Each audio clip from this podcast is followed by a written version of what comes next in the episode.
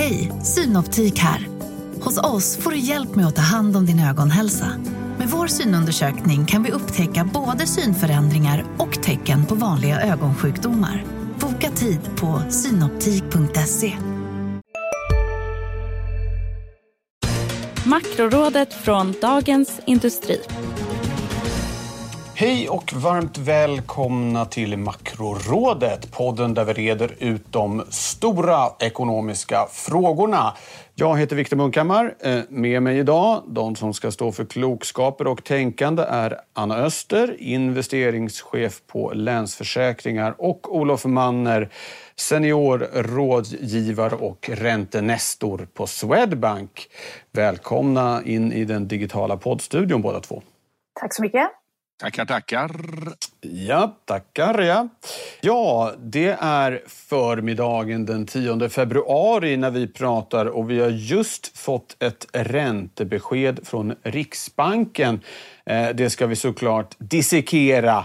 Eh, och så har vi ett eh, finanspolitiskt bråk i USA som rullar runt eh, i, i världen och ger lite ekon och, och, vågor och det är kanske saker som har betydelse också på vår eh, sida om Atlanten. Det ska vi också gå igenom eh, vad det handlar om. Eh, dessutom har vi ett begrepp som ska redas ut och det är kopplat till det här med finanspolitik, crowding out. Mer om det senare. Och så blir det spaningar förstås och veckans viktigaste. Där har ni dagordningen. Eh, Anna, vi kastar oss rätt in i detta tycker jag med eh, räntebeskedet från Riksbanken som kom här nu på morgonen. Ja, kör i vind så kommer ja. jag med frågor sen. Ja, nej men okej. Nej, men om man ska vara riktigt ärlig så var det ju kanske ganska ospännande besked. Vilket ju också Tyvärr var det ju det. vilket ju också var väldigt väntat. Så att det, det blir liksom ospännande utifrån flera olika dimensioner. De gör inte så mycket och de hade inte förväntats göra så mycket. Eh, det är väl i sig så det ska vara. Det är väldigt stora överraskningar kan man ju också se som ett misslyckande från en centralbank. Att man liksom inte har krattat i manegen så att eh, marknaden hinner, hinner förbereda sig. Utan de gör väl ganska väntade saker. De säger att räntan ska vara kvar på noll. Den ska vara kvar på noll under hela deras prognoshorisont som nu sträcker sig fram till första kvartalet 2024. Så det är ju eh, tre år till dess, va? hoppas jag om jag räknar rätt. Eh, gäller att befinna sig i rätt år. Så det, det är ju en ganska liksom, eh, intressant graf bara det, eh, en ränta som ligger på noll. Men det är ju inget nytt heller, utan de har haft den prognosen sedan tidigare. Det de gör med sina prognoser är ju att de lyfter Eh, BNP-prognosen en del, både bakåt i tiden höll jag på att säga, vi har ju inte full info än för 2020, men den är reviderad upp och sen också mer positiv vy på eh, innevarande år eh, och sen då lite sämre nästa år eftersom tillväxten har gått lite snabbare än, än vad de har räknat med tidigare. Också högre inflationsprognoser eh, eh, om vi blickar framåt också, men också där säger de att det kommer ju ta tid innan vi då är varaktigt nära målet, så det betyder ju att de inte känner sig manade att agera på något vis. Lite intressant kan man väl ändå säga att det, de reviderar sin arbetslöshetsprognos för i år med nästan en hel procentenhet. Eh, och det får då samtidigt inte några konsekvenser för politiken, vilket är intressant i sig, vilken värld vi lever i. Eh, det hade nog i, en, i, ett normalt läge varit ganska så exceptionellt att, att revidera arbetslöshetsprognosen så mycket utan att det skulle få någon typ av konsekvens. Eh, men, men så har det varit, svåra, svåra saker att prognostisera under corona helt enkelt. Och det, det har gått starkare än väntat och det ser vi också nu i deras prognoser. Just det, de, de lyfter inflationsprognosen för innevarande år kraftigt, 0,9 till 1,5 eh, vill jag minnas. Men sen händer ingenting senare och det speglar väl det här som du och många andra i analytikerkåren tänker sig att det är väldigt mycket tillfälliga effekter som lyfter i år utan att det egentligen är någon underliggande fart det handlar om. Precis. Det, det, det, finns en del baseffekter och andra tillfälliga effekter i år och också att det faktiskt är ganska svårt att mäta eh, i dagsläget inflation på vissa varor som, som vi inte konsumerar på det sättet som vi har gjort i normalläge på grund av just corona. Så att mycket osäkerhetsfaktorer där. Ja, Olof, du eh, har ju eh, örnkoll på, på marknaden och jag noterade en grej att kronan stärktes ju inför beskedet liksom halvtimman innan och så tappade den lite grann direkt när det kom. Eh, och då undrar jag, kan det ha någonting att göra med att de faktiskt i pressmeddelandet rätt tydligt skriver att det kan bli aktuellt att sänka räntan trots allt, framför allt om det börjar bli problem med inflationsförväntningarna? Eller var det något annat som låg bakom de där rörelserna? Ja, Viktor, hatten av för din eh, detaljkunskap om det som sker på valutamarknaden. Tack ska du ha, men jag behåller gärna mössan på. Det är ja. kallt här. Ja. Eh, men det var väldigt små rörelser. En, en euro kostade 10,04 eh, innan beskedet och nu ligger den 10,06. Eh, det, det är två öre. Det ja, hittar man i det dagliga bruset. får gripa efter de halmstrån som ja, finns. Nej, det, ja, det är ja. verkligen ett bräckligt halmstrå. Och inte heller om man tittar på räntorna så har det så att säga rört sig i någon större omfattning. Det blir ju lite som, som, som Anna var inne på här och även du själv. Det var ett väntat besked. Eh, och eh, effekterna på så att säga, finansmarknaderna har ju varit väldigt begränsade. Det var egentligen ett besked som var mer intressant för obligationshandlare och eh, kanske portföljförvaltare då. Eh, I och med att väldigt mycket fokus var på hur mycket Riksbanken ska köpa av vad under resten av det här året. Men det kom också ut ungefär som förväntat. Man kan väl säga att eh, Riksbanken är lite framtunga. De ska ju köpa upp till 700 miljarder av olika värdepapper. Eh, de har redan deklarerat att de ska köpa 120 miljarder under kvartal 1. Eh, men nu kommer de att köpa någonstans mellan 100 och 110 miljarder kvartal 2. Det var väl lite i överkant. Och sen om allt går som de har tänkt sig då så kommer de att köpa 70 miljarder ytterligare kvartal 3 och 4. Eh, det var väl en liten nyhet och de sa också då att de kommer under hela eh, 22 att återinvestera de förfallen som är. De ska ju sluta då i slutet på 21 med de här nettoköpen. Men man kommer alltså då återinvestera förfallen eh, under hela 22. Eh, så att det var lite mer intressant, men då får man vara väldigt djupt nere i obligationsmarknaden för att höja på ögonbrynen. Det är väl där du befinner dig. Och där har jag, i det träsket har jag ju legat ganska länge. Ja, jag menar det. Eh, Anna, jag tänker en sak, det här, den här tillfälliga uppstudsen då som vi räknar med att få här och Riksbanken också, inflationen. I normalfallet så ska en centralbank se igenom, som man brukar säga det där, och titta på någon slags kärnmått när eh, väldigt hoppiga saker som energi och el och så här eh, rör sig. Eh, givet det läget vi är i för Riksbanken, att de inte är helt nöjda med var inflationsförväntningarna befinner sig, att de är oroliga för en för låg inflation. Kan det vara så att de tar fasta lite mer på den här utvecklingen än de så att säga, egentligen borde enligt någon slags eh, eh skolbok? Exempelvis så vet man ju att eh, eh, spotinflationen, alltså inflationen just nu, tenderar att smitta av sig lite på inflationsförväntningar så, här, så man kan få ett litet, litet lyft där. Mm. Eh, förstår du vad jag far efter?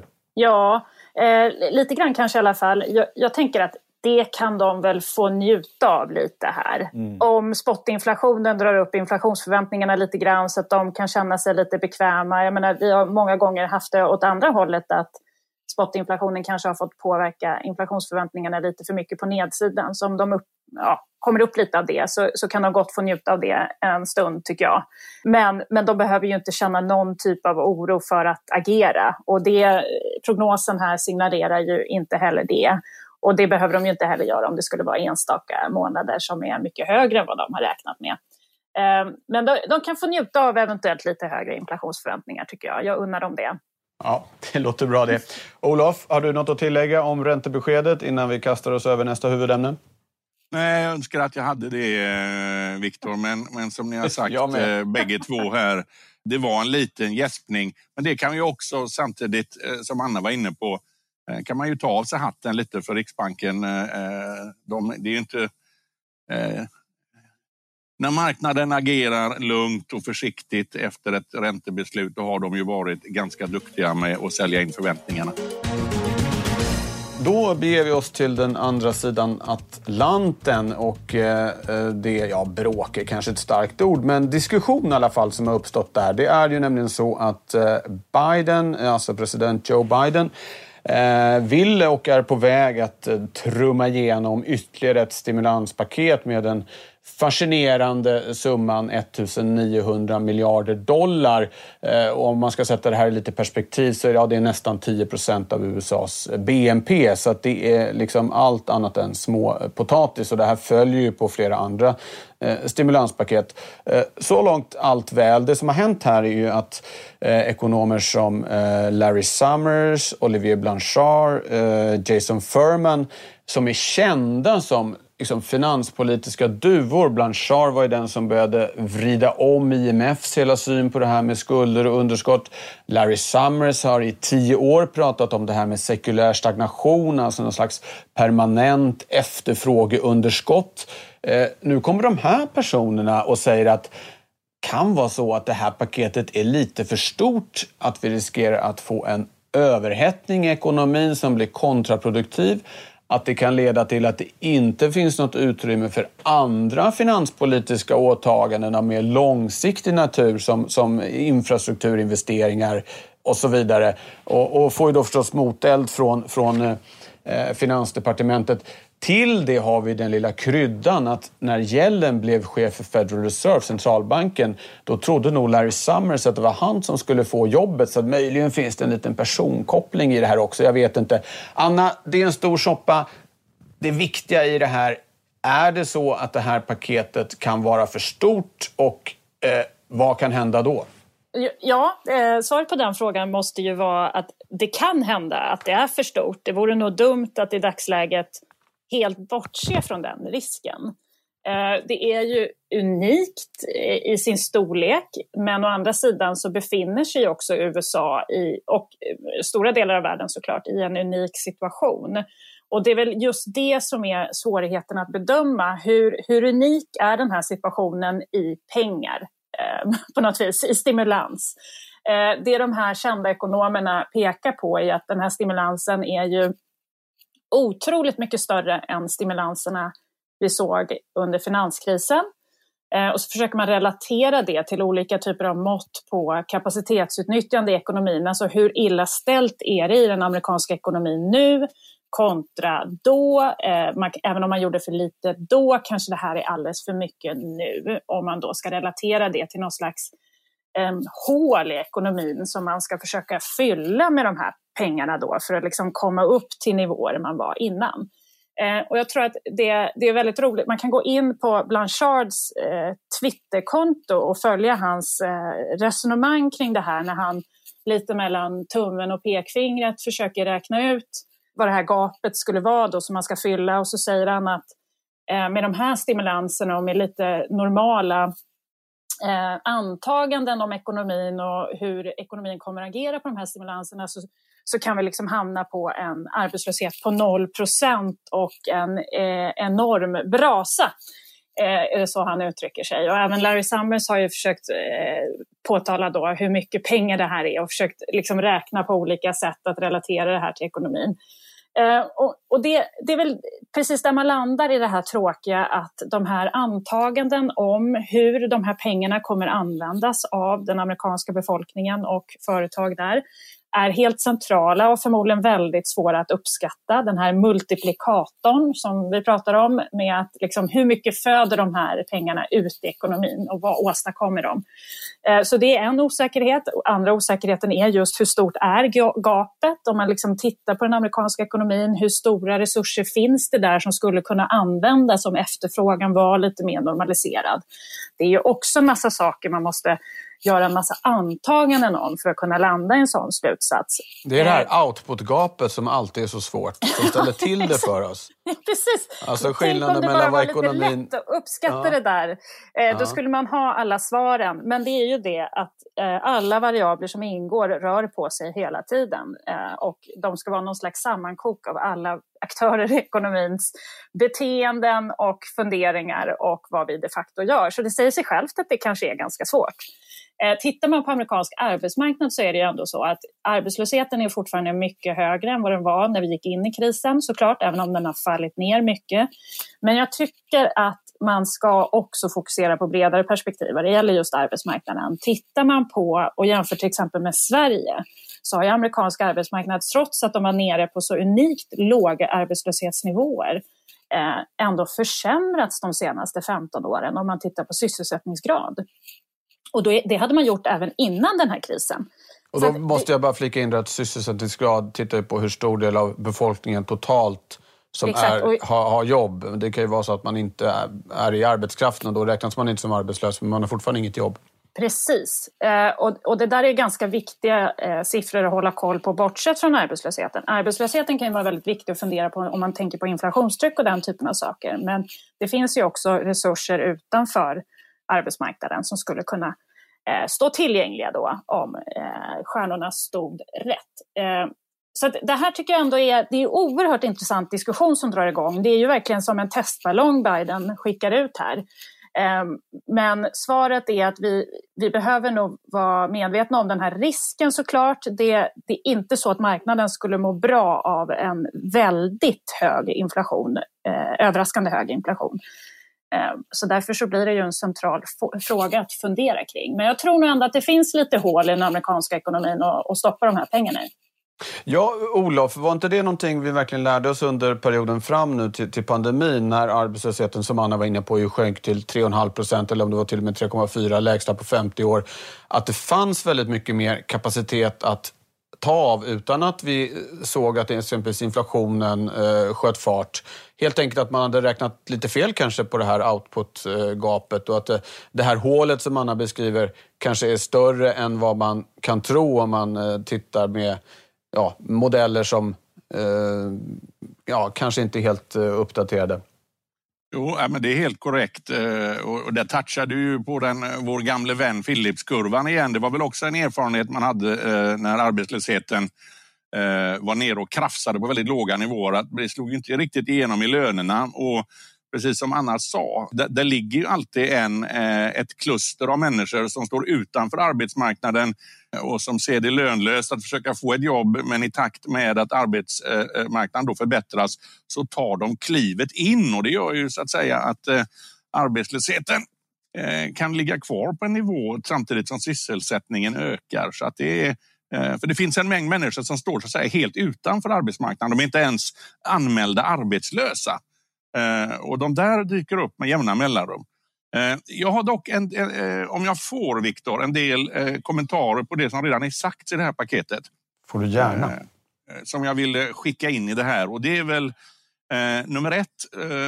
Så när Yellen nu får den här kritiken om inflation så ska man komma ihåg att hon är ju själv ganska trovärdig i inflationsfrågan.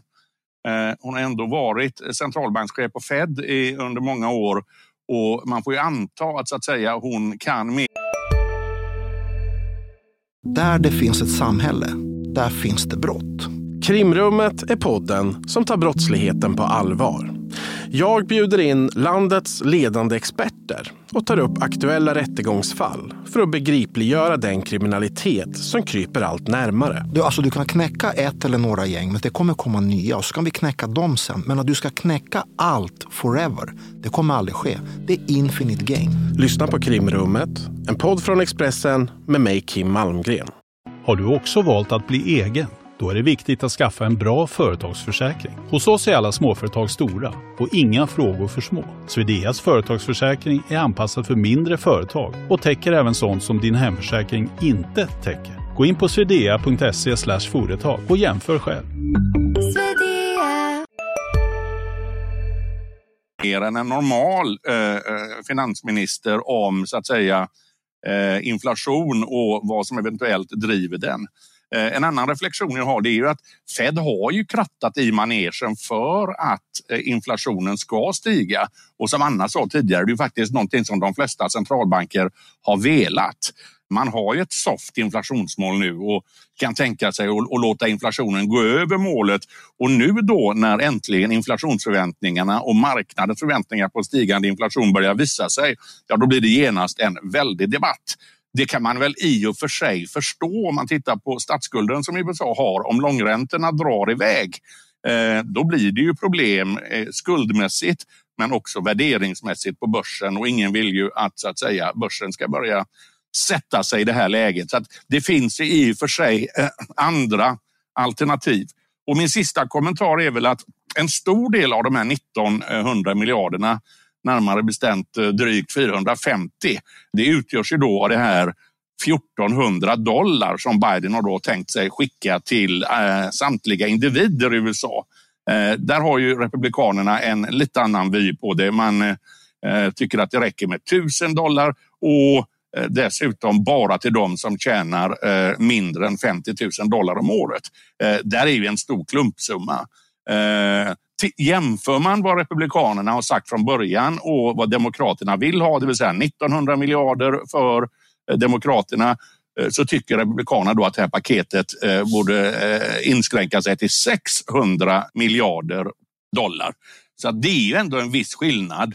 Eh, och samtidigt pågår ju de här eh, senatsförhandlingarna om riksrätten, hur de här klibbar ihop i varandra. Det är ändå politik i slutändan. Man kan ge lite där för att få lite här och så vidare. Det tycker jag kommer bli väldigt intressant. En, en sista sak, Anna, eller näst sista kanske, jag vet inte, men en, en sak som är kopplad till det Olof var inne på.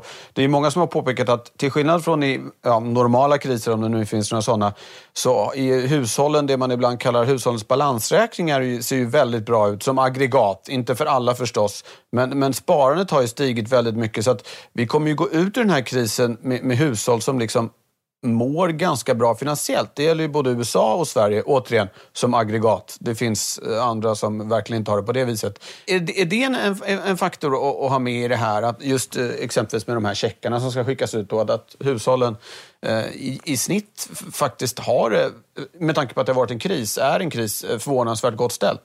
Ja, men så är det. det. Det är ju ett argument som flera av de här ekonomerna som vi har pratat om lyfter upp. att att de kommer in i, i det här året med mycket bättre förutsättningar än vad vi är vana vid då i någon typ av normal kris och även i en onormal kris som finanskrisen där det såg helt annorlunda ut. Sen är det ju just, eh, och det har ju att göra med de här eh, lite flummiga diskussionen jag hade kring det här med multiplikatorerna, alltså hur mycket av det här som kommer ut kommer användas. Så det, det handlar ju mycket om det här, bland annat. Ehm, att hur stor del av de här checkarna kommer hushållen att använda sig av till konsumtion och då inte spara. Ehm, och jag tror att det där kanske är någonting vi behöver blicka framåt mot, för det handlar just om att de svaga ekonomiska, alltså de hushåll som är ekonomiskt svaga, de behöver de här pengarna och de skulle använda pengarna och det skulle leda till olika typer av eh, effekter i ekonomin. Eh, man kan ju fundera på om det är utvecklingen av, av finanspolitiken och även när centralbankspolitiken, penningpolitiken är, är på lower bound som vi pratar om, att de ändå har restriktioner i vad de kan åstadkomma när de är på så låga räntenivåer och redan köper så mycket och så vidare. Man ska inte underskatta deras uppfinningsrikedom men ändå så måste man ju känna att verktygslådan är möjligen lite tommare än vad den är när man har ränta att dra i då skulle man kanske kunna tänka sig att är det det här som måste vara framtiden i finanspolitiken, att vi kan lite mer styra det här då på ett sätt att verkligen säkerställa att vi, vi, vi, vi ger pengarna till de som kommer att använda dem. Eh, för det är klart att det blir ett stort eh, svinn när alla ska få lika mycket eh, i stor utsträckning och hur man ska kunna definiera det här. Vem, hur får vi effekt av de här pengarna och hur maxar vi den effekten? Ja. Bra! Eh, Olof, förlåt, vill du säga något där? Nej, nej. Mm. Eh, jag ett litet instick. Men det, ja, det, ja, det brukar vara så. Det har väl pratats väldigt mycket om det. Alltså, det är ju eh, den stora snackisen i makrovärlden nu. Det är ju det här reflationscaset. Kommer inflationen tillbaka? Det är väldigt mycket fokus på långräntorna i USA och hur de klibbar av sig på långräntor i andra, eh, i andra länder och så vidare. Så att, eh, och det är ju något nytt va? Och, och lite spännande måste jag ändå tycka. Då kastar vi oss över begreppet. Eh, varje gång vi sänder den här podden så försöker vi reda ut ett centralt ekonomiskt begrepp på ett kort, koncist och mycket pedagogiskt vis. Och Anna, det är du som ska göra det den här gången och det har koppling till den diskussionen vi just har haft. Eh, begreppet är nämligen, tyvärr finns det inget riktigt bra ord på svenska så jag tar det på engelska, crowding out. Vad är det? Ja, men precis. Och det här det känns ju lite som ett eh, läskigt begrepp att reda ut, höll jag på att säga. För att bara ordet är ju väldigt generellt. Så det känns som att man kan stoppa in ganska mycket det där och så tänker man att herregud, nu kommer liksom gamla nationalekonomiska professorer när man hade ringa upp en efter det här samtalet och säga att det där förenklade du alldeles för mycket. Det är okej, okay, för tanken är att det ska ta ungefär 60 oss... sekunder. Så du, får liksom, du kan inte gå in på alla detaljer. Ja, men så jag får förenkla. Eh, nej, men det, det hör ju absolut ihop med det här och lite det som jag pratade om att Blanchard liksom, eh, varnar för. Att om det är så att eh, staten i det här fallet då, det är ett exempel på det här crowding out, eh, behöver låna upp väldigt mycket pengar så kan man då eh, genom att räntan då stiger eh, kunna eh, hamna i en situation där det här tränger ut privata investeringar. Eh, och det hänger ju också ihop med det här som vi precis har pratat med. Hur, hur ser liksom balansen i ekonomin ut? Alltså är det så att vi genom den här upplåningen skapar inflation och därmed tvingar fram både på marknaden och från centralbankerna såklart, en ökad ränta som då i sin tur skulle öka alternativkostnaden för privata investeringar och därmed tränga ut det. Det är ju lite intressant, i, både i den här som vi redan har pratat om, att det är så svårt att definiera eh, hur stort det här gapet är i ekonomin och när en inflation skulle komma igång. Eh, men sen är det också lite intressant i ett historiskt perspektiv där vi faktiskt har pratat under lång tid att privata investeringar inte är så höga som man kanske hade trott att de skulle vara i den miljö vi befinner oss i. Så på det sättet ett mycket hett begrepp, tänker jag. Eh, och någonting vi säkert kommer prata om mer. Men det är just det här, tränger statens agerande ut det privata agerandet och därmed så blir effekten inte lika stor som man liksom kanske hade tänkt om man bara räknade på det ena benet i ekvationen. Så tänker jag mig att jag kan förklara det på ett enkelt sätt. Stort tack för det. Och då kastar vi oss över eh, spaningarna. Eh, Olof, du nämnde tidigare att eh, Yellen är en typ av finansminister som nog har bättre koll på inflationsdynamiken än de allra flesta i och med att hon har varit chef för världens viktigaste centralbank. Det är andra centralbankschefer som eh, ser ut att bli chefer. Och kring detta kretsar din spaning, inte sant? Ja, eh, min spaning mynnar ju då ut i om huruvida Ingves kommer bli eh, vår nästa finansminister eh, eller kanske till och med statsminister. Eh, Spännande. Och vad baserar jag det här på då? Ja, men eh, som du var inne på, Gällen, gammal centralbankschef, nu finansminister. I Italien så håller just nu eh, den gamle ECB-chefen Draghi på att försöka forma en regering och lyckas han så blir ju han den nya premiärministern i Italien. Och andra vägen kan man också gå. Vi har ju eh, Lagarde som eh, nu är chef för ECB. Hon har ju tidigare varit eh, finansminister i Frankrike. Så det verkar ju finnas ett flöde i andra länder eh, fram och tillbaka. Och om jag inte minns fel så eh, tyckte jag mig se att eh, Ingves fick något pris här. Han blev Banker of the Year eh, för någon månad sedan här. Fint pris. Eh, så han verkar ju stå högt i kurs, inte bara så att säga i Sverige utan även internationellt. Eh, så det blir väl spännande att se vad och om eh, Ingves dyker upp. Om han någonsin slutar på centralbanken.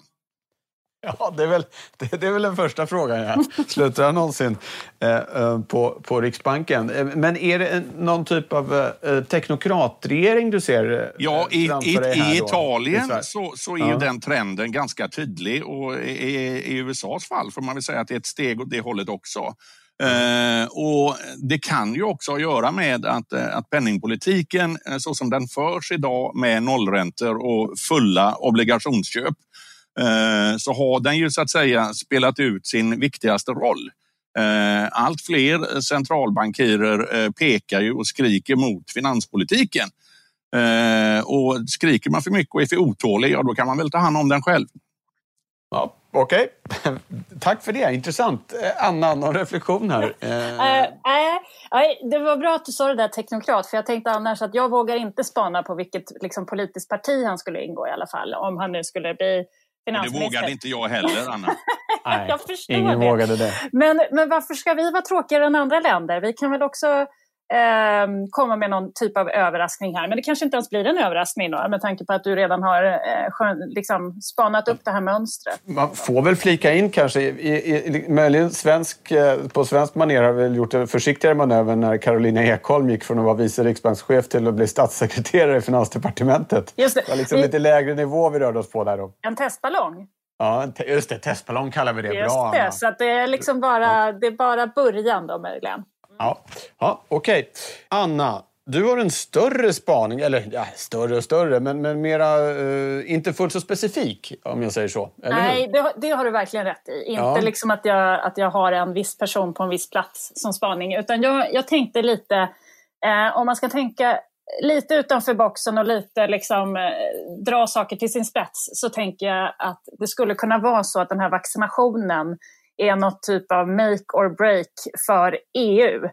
Eh, jag tycker att det är oroväckande att vi uppenbarligen i Europa laggar ganska mycket vad det gäller eh, vaccinationstempot. Om vi jämför då till exempel med det finns ju extremländer som Israel som har kommit hur långt som helst. Men om vi jämför med eh, den, Eh, den stora andra aktören USA då, Europa och USA, så, kommer, eller så ligger de en bra bit före oss. Vi har ju bara hört från Biden om hur dåligt det här har varit skött från Trump-lägret och så vidare. Men Eh, oavsett det så har de ändå kommit längre i att vaccinera. Eh, tittar man också då på det ekonomiska så är det ju inte så att vi inte sedan tidigare har identifierat en hel del strukturella problem för Europa. Om man har ett ganska långsiktigt perspektiv och funderar kring hur, hur har egentligen tillväxten sett ut sedan innan finanskrisen? Alltså vad har hänt de här senaste eh, 15 plus åren? Eller ja, inte 15 plus kanske, jag är inte så bra på att räkna idag, men, men nästan 15 år Eh, så är det ju så att vi och USA, alltså Sverige och USA, vi, vi ligger i alla fall på en BNP-nivå ungefär 20 procent över vad vi låg då. Så att vi, vi har haft någon typ av eh, tydlig ekonomisk tillväxt i alla fall, även om vi har inte kanske haft så stark eh, tillväxt som, som vi har varit vana vid. I alla fall eh, ja, enskilda perioder och sådär såklart. Men, men Europa ligger betydligt lägre och det gäller även Tyskland som liksom ska vara den eh, tydliga motorn då i euroområdet. Och de har de här inbyggda problemen med eurozonen såklart, att de har en penningpolitik men inte gemensam finanspolitik. Allt det här vi diskuterade förra året. Där man möjligen kanske såg en ljusning som visserligen då inte Sverige tyckte var så toppen med, med bidrag på på EU-nivå eh, och så vidare som, som då inte ska finansieras eller finansieras tillsammans med, med lån. Så att de har ju rejäla ekonomiska problem. De säger jag nu i någon slags behov av att distansera oss från. Det låter som att du pratar om euroområdet snarare än EU kanske. Ja, precis. Bra, bra formulering där. Eh, Men just att Sverige har ju faktiskt en annan ekonomisk utveckling, onekligen. Dock inte en bättre vaccinutrullning än vad EU eller euroområdet har i övrigt. Eh, Så att är det så att det är det här som liksom, om man inte klarar av den här samordningen och att säkerställa att ekonomin faktiskt kan återhämta sig ganska snabbt efter de här nedstängningarna som man har haft. Vi ser ju att tjänstesektorn går eh, tufft i Europa på grund av nedstängningar och så vidare om man jämför med andra regioner.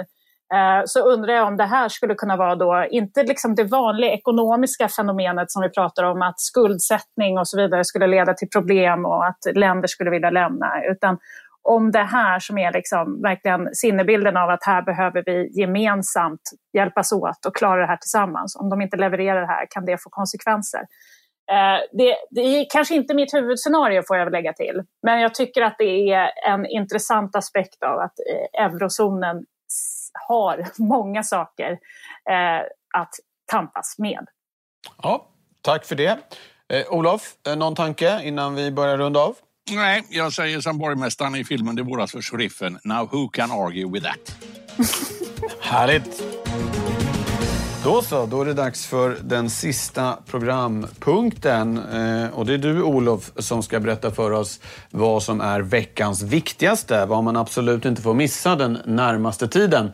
Som inte behöver vara just precis en vecka, men det är trevligt med en allitteration.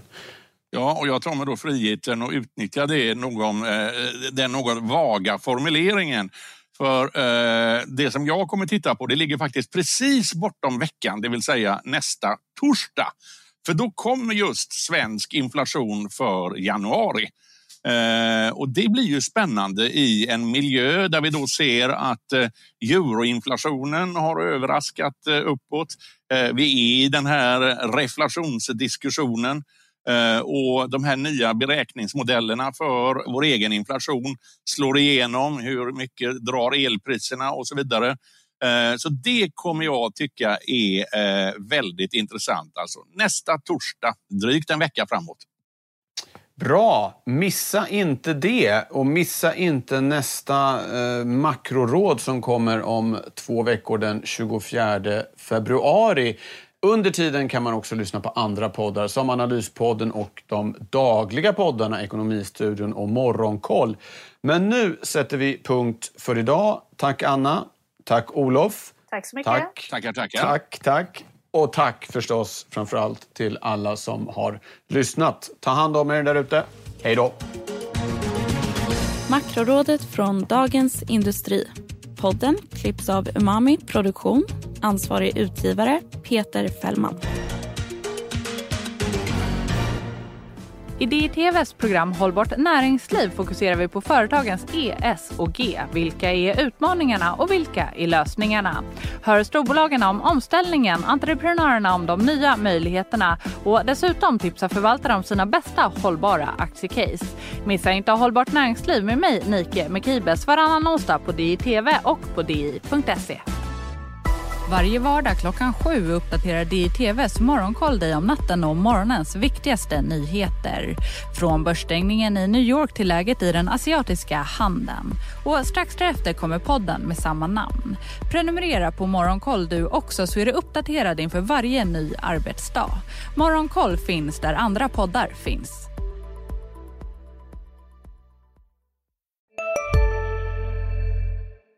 Hej, Susanne Axel här. När du gör som jag och listar dig på en av Krys vårdcentraler får du en fast läkarkontakt som kan din sjukdomshistoria. Du får träffa erfarna specialister, tillgång till lättakuten och så kan du chatta med vårdpersonalen. Så gör ditt viktigaste val idag, lista dig hos Kry. Välkommen till Maccafé på utvalda McDonalds restauranger med Baristakaffe till rimligt pris. Vad sägs om en latte eller cappuccino för bara 35 kronor? Alltid gjorda av våra utbildade baristor.